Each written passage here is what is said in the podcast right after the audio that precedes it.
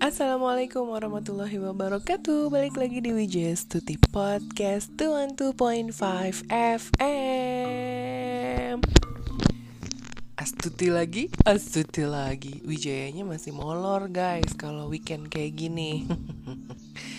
Ya biasa kalau pagi-pagi Astuti udah melek dan Kayak kalian semua sama sih Ngeliatnya langsung sosial media. Iya iya iya iya iya iya. Aku lagi scroll scroll Instagram dan nemuin banyak berita sedih banget ya gak sih guys? Kayak ada Anwar Fuadi yang ditinggal meninggal ibunya sama eh ditinggal meninggal istrinya sama anaknya. Sedih ya gitu. Kadang emang ada hal-hal yang terjadi dalam kehidupan kita tuh yang kita eh, nggak uh, bisa atur gitu loh. Emang tiba-tiba aja gitu tiba-tiba aja udah kejadian gitu. Tiba-tiba aja harus terjadi tiba-tiba aja harus kayak gitu. Sometimes kita kayak ngerasa hah kenapa harus sekarang sih? Nggak siap nih gitu. Kenapa nggak nanti aja sih? Kenapa nggak beberapa waktu lagi sih Sel pernah nggak kayak gitu? Nah ini gue sebenarnya lagi fase kayak gitu tuh. Jadi kayak jadi uh, ini sih alhamdulillah bukan berita duka cita yang sampai mendalam kayak gitu. Cuman lagi bete karena adik aku mau pindah ke tempat yang lumayan jauh dari uh, nyokap sama kita gitu kan. Karena dia udah nikah terus dia berpikir untuk lebih mandiri dan jadinya dia mau hmm, pergi ke maksudnya dia mau tinggal di rumah yang lebih jauh dari kita gitu kan. Sedih maksudnya biasa apa apa bareng gitu kan. Maksudnya kalau mau tektokan mau diskusi apa jadi cepet. Sekarang ya jauh gitu loh. Ya awalnya gara-gara kemarin kena covid tuh adik ipar aku jadi lebih baik misah. Katanya sih gitu tapi ya nggak tahu deh mudah-mudahan uh, nyokap cepet jadi uh, bikin pavilion di rumahnya jadi mereka bisa tinggal bareng lagi. Nggak tau kayak tenang aja gitu kalau ada mereka di sana karena ada yang jagain orang tua selama 24 jam gitu kan. Sementara kan aku beda rumah walaupun emang cuman beda gang cuman kayak jadi overthinking aduh nanti gimana ya di rumah?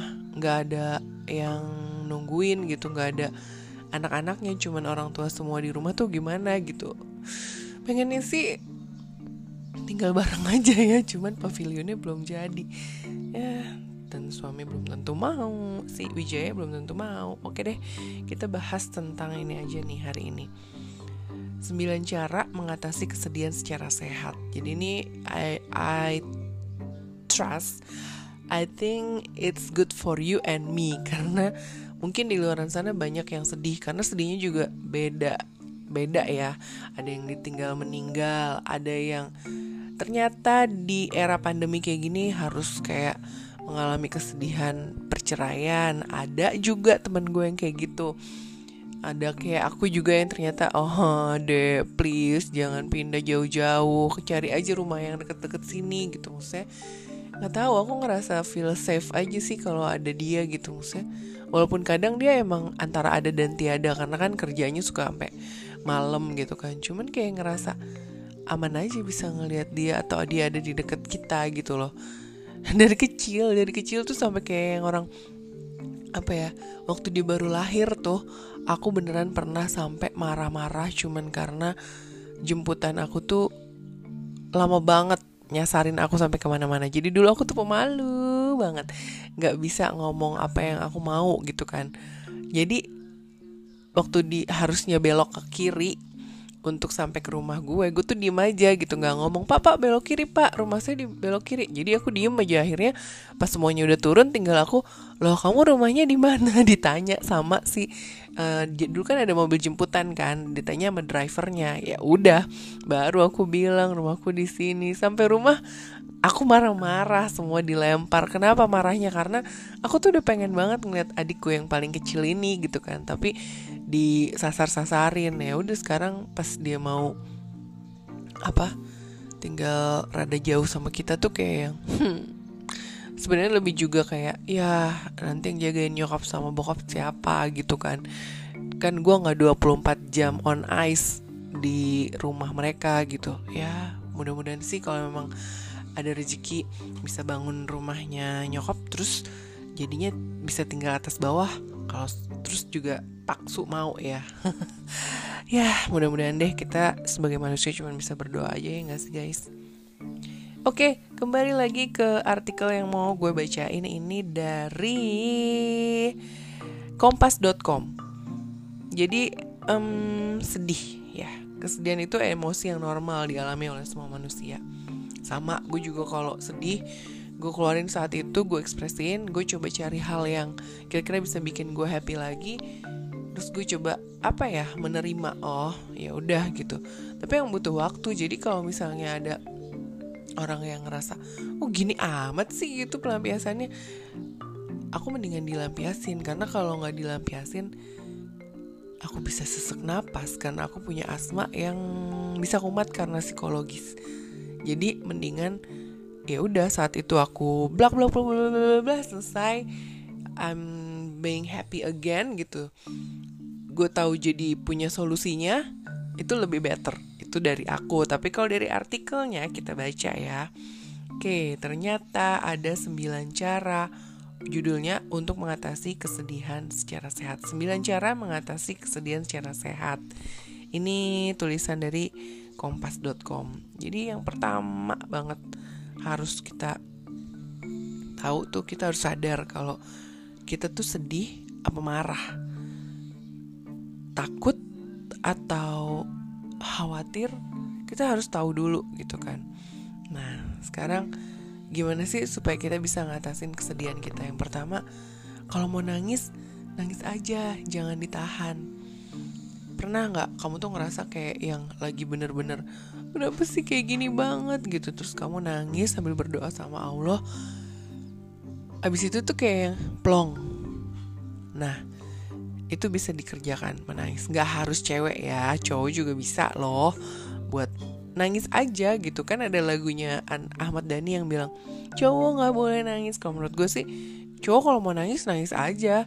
Ya wajar gitu kan. Maksudnya hmm, semua punya emosi. Tapi ya mungkin jangan berlebihan nangisnya. Karena kalau menurut aku menangis itu adalah salah satu cara untuk rilis kesedihan. Jadi ah gue pernah saking ya gue termasuk cewek yang mewekan gitu ya cengeng gitu.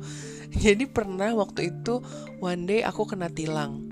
Dalam hati itu aku kesel sebel gitu kenapa sih harus ditilang gitu kan.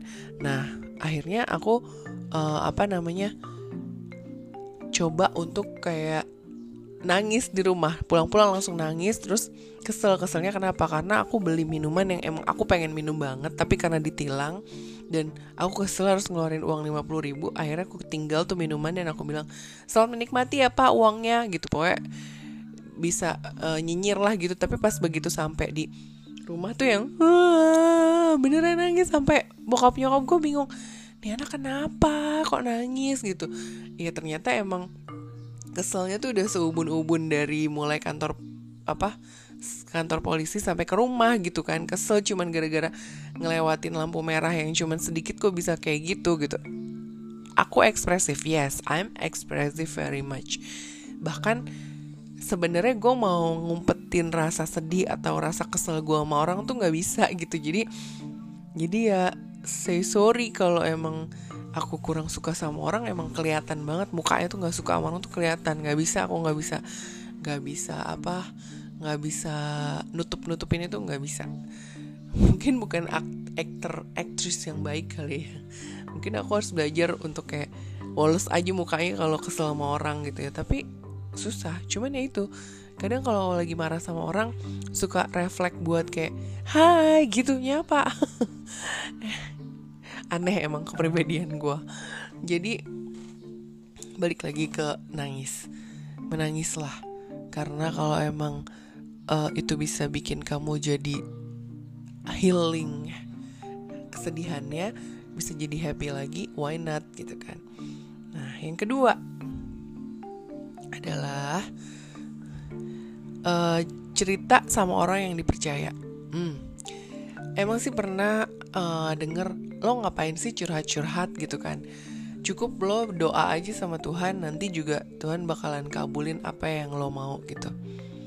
Buat sebagian orang itu mungkin make sense ya gitu. Buat sebagian orang itu mungkin ya bisa gitu. Tapi untuk sebagian orang yang lain yang emang jiwa sosialnya tinggi maksudnya yang nggak kan manusia itu kan sebenarnya makhluk sosial makhluk yang nggak bisa tinggal sendiri berdiri sendiri itu nggak bisa kan?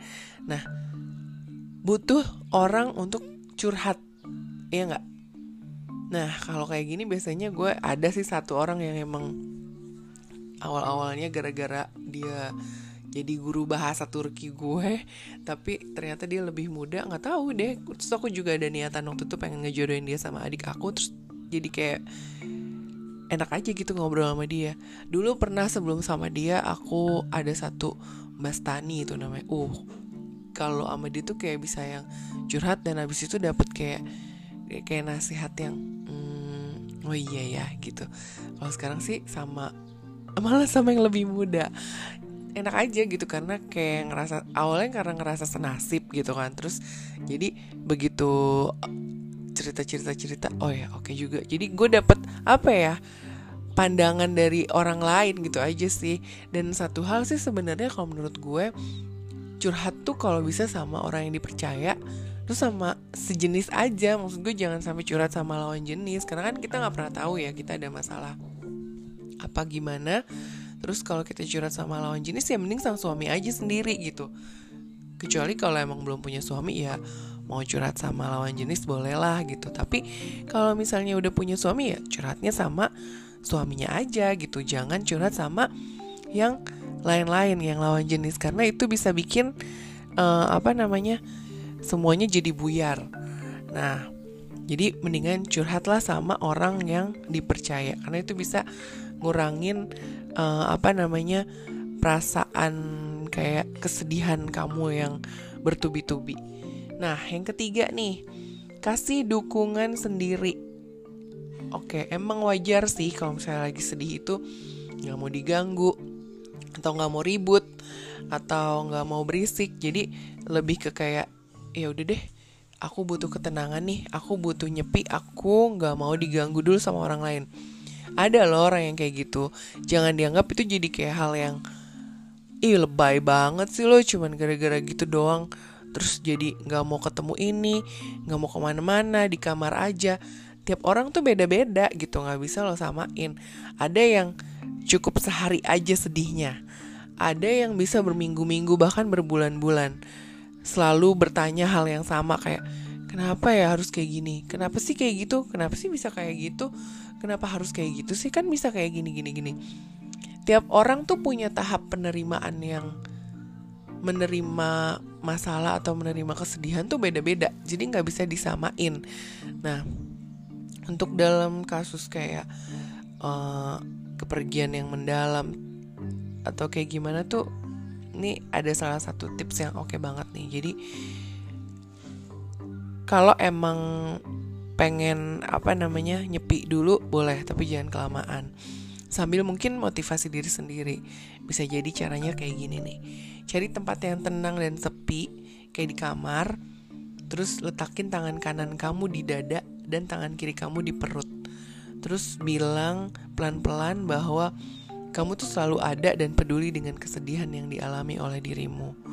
Jadi jadi bukan kayak enggak gue nggak sedih kok gue biasa aja. Jadi itu namanya mengignore tapi ya emang akuin aja kalau diri lo sedih gitu. Atau kayak misalnya lo kehilangan binatang peliharaan lo gitu atau kehilangan sebuah benda lo sedih tak ada bahkan orang yang sebenarnya dia sedih tapi jatuhnya keluarnya tuh jadi kayak marah-marah ada yang kayak gitu nah tiap orang tuh beda-beda makanya uh, apa namanya yang paling mengerti itu adalah ya diri kita sendiri. Jadi kita yang bisa ngedukung diri kita sendiri dengan cara tadi itu bagus banget. Kita bisa nyepi di kamar, tarik nafas, berusaha rilis dan pasrah. Oh ya udah deh, mungkin emang jalannya harus kayak gitu.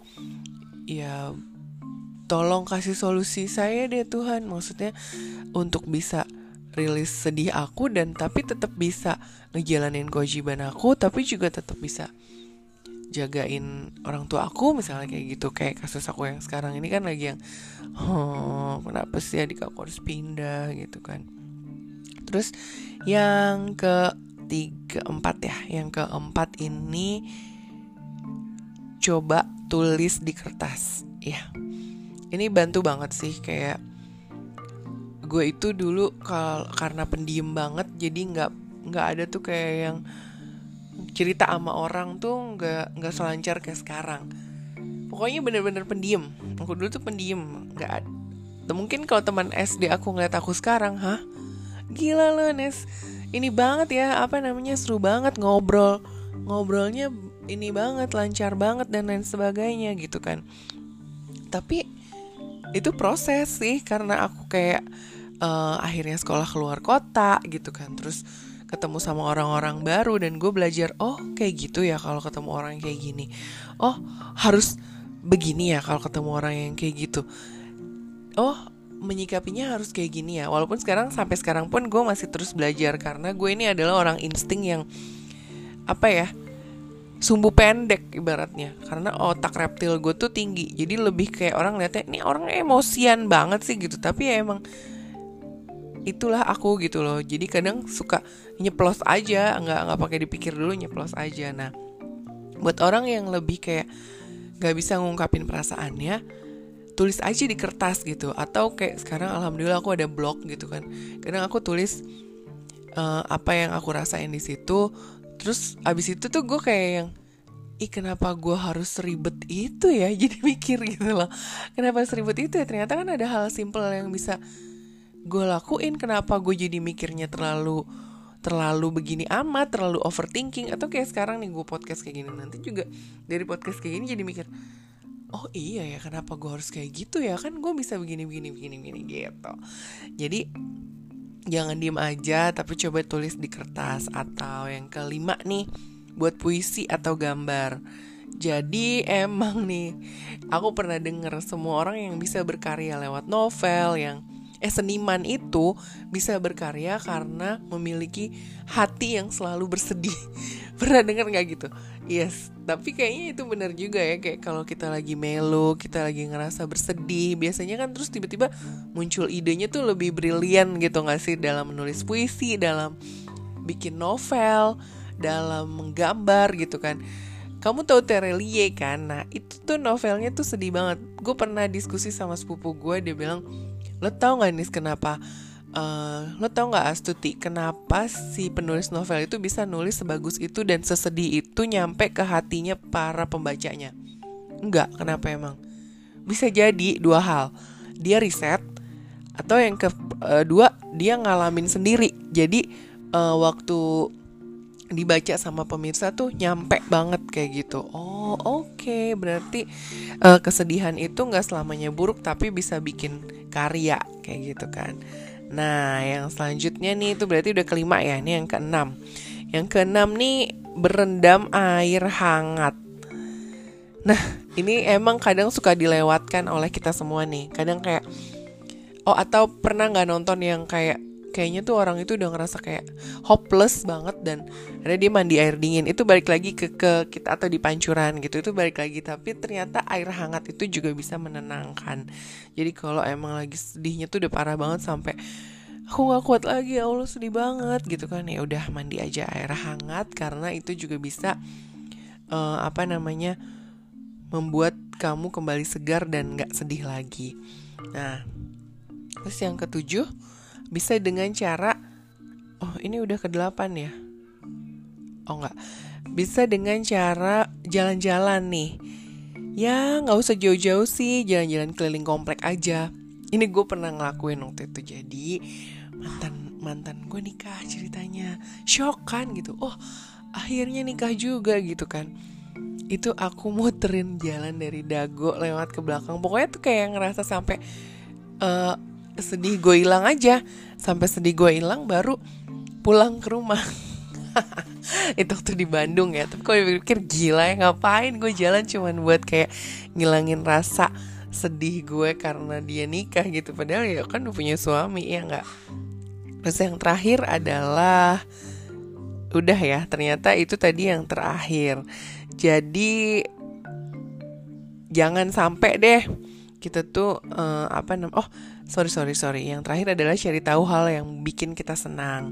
Jadi apa ya? Misalnya kamu merasa senang kalau nonton film do it kalau kamu ngerasa senang dan merasa bisa happy dengan olahraga kerjakan kalau kamu merasa senang dengan membaca buku lakukan atau kalau misalnya kamu meditasi terus bisa bikin suasana hati kamu jadi lebih semangat jadi lebih bahagia lakukan jadi apa ya banyak cara menuju untuk uh, tidak bersedih lagi sedih boleh tapi apa ya maksud gue sedih boleh tapi nggak boleh lama-lama karena kesedihan yang terlalu lama itu bisa mengganggu kesehatan mental kamu.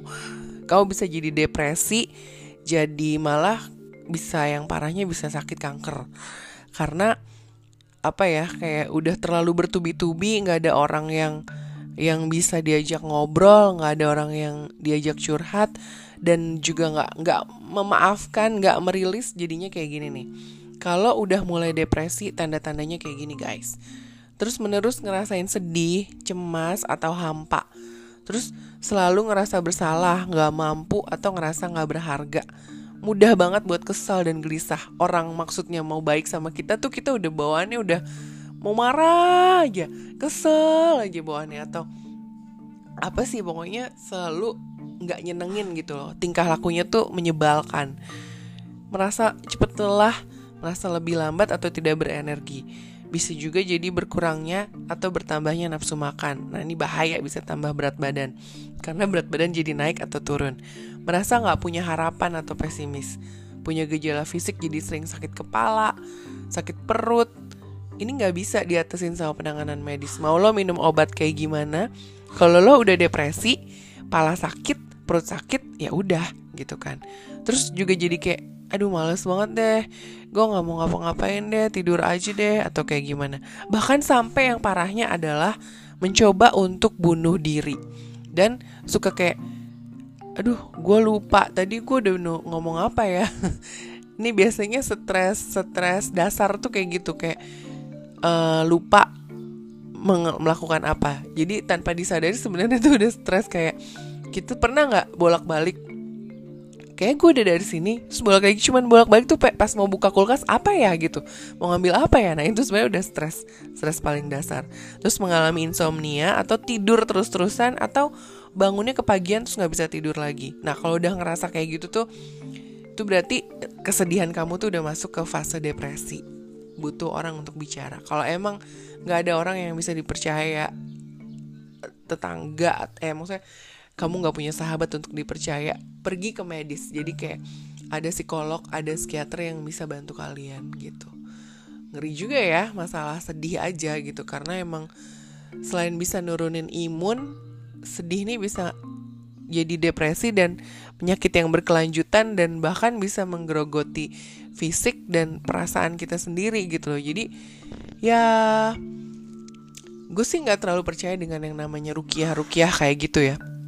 Rukiah boleh tapi kayaknya kalau rukiah baca sendiri tuh itu juga udah rukiah alami gitu. Tapi yang terapi sik terapi psikis ini sih kalau kata gue. Jadi terapi psikologi dengan ngobrol sama orang yang lebih berpengalaman supaya bikin orang itu merasa nggak lo doang kok yang sedih parah kayak gitu nggak lo doang kok yang ngerasain se susah itu hidupnya banyak loh yang lebih susah untuk membuat seseorang bisa berpikir kayak gitu aja tuh nggak gampang. So very difficult. Jadi ini gue sih tetap setuju ya dengan ilmu psikologi. Beda sama Wijaya. Wijaya nggak setuju sama ilmu psikologi tapi menurut gue manusia itu diciptakan eh, uh, memang punya emosional bukan cuman fisik doang. Nah ilmu yang mempelajari emosi orang hidup ya itu namanya psikologi. Jadi mau nggak mau itu emang tetap harus dipelajari dan buat jadi patokan. Karena emang kita nggak bisa ngertiin semua cuman lewat psikologi kita jadi tahu polanya oh orang ini kayak gini oh orang ini lagi sedih oh orang ini lagi happy. Apa sih sebenarnya yang dimau gitu? Komunikasi aja juga bisa terjalin karena psikologinya bagus ya kan jadi kalau menurut gue semuanya harus balance aja deh.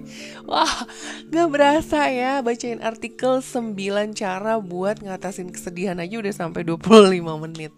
Oke sampai ketemu di WJS Tuti Podcast 212.5 FM See you when I see you and bye